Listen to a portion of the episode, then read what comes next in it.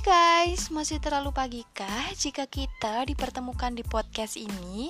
Aku rasa tidak ya, karena aku yakin podcast akan membawa warna tersendiri dalam hidup kalian dan suara akan selalu mendapat tempat hangat di hati kalian masing-masing. Banyak hal tentang kehidupan yang nantinya bisa kita perbincangkan di podcast ini. Jadi aku harap kalian selalu menanti kehadiranku ya. See you next episode and bye guys. Upsi, sebentar. Judulnya kan kenalan yuk. Jadi, izinkan aku memperkenalkan sedikit tentang masih terlalu pagi ini apa sih? Ya, yang pasti podcast ya. Ya nggak sih? Iyalah, biar cepet ya. apa yang nanti dibahas di sini?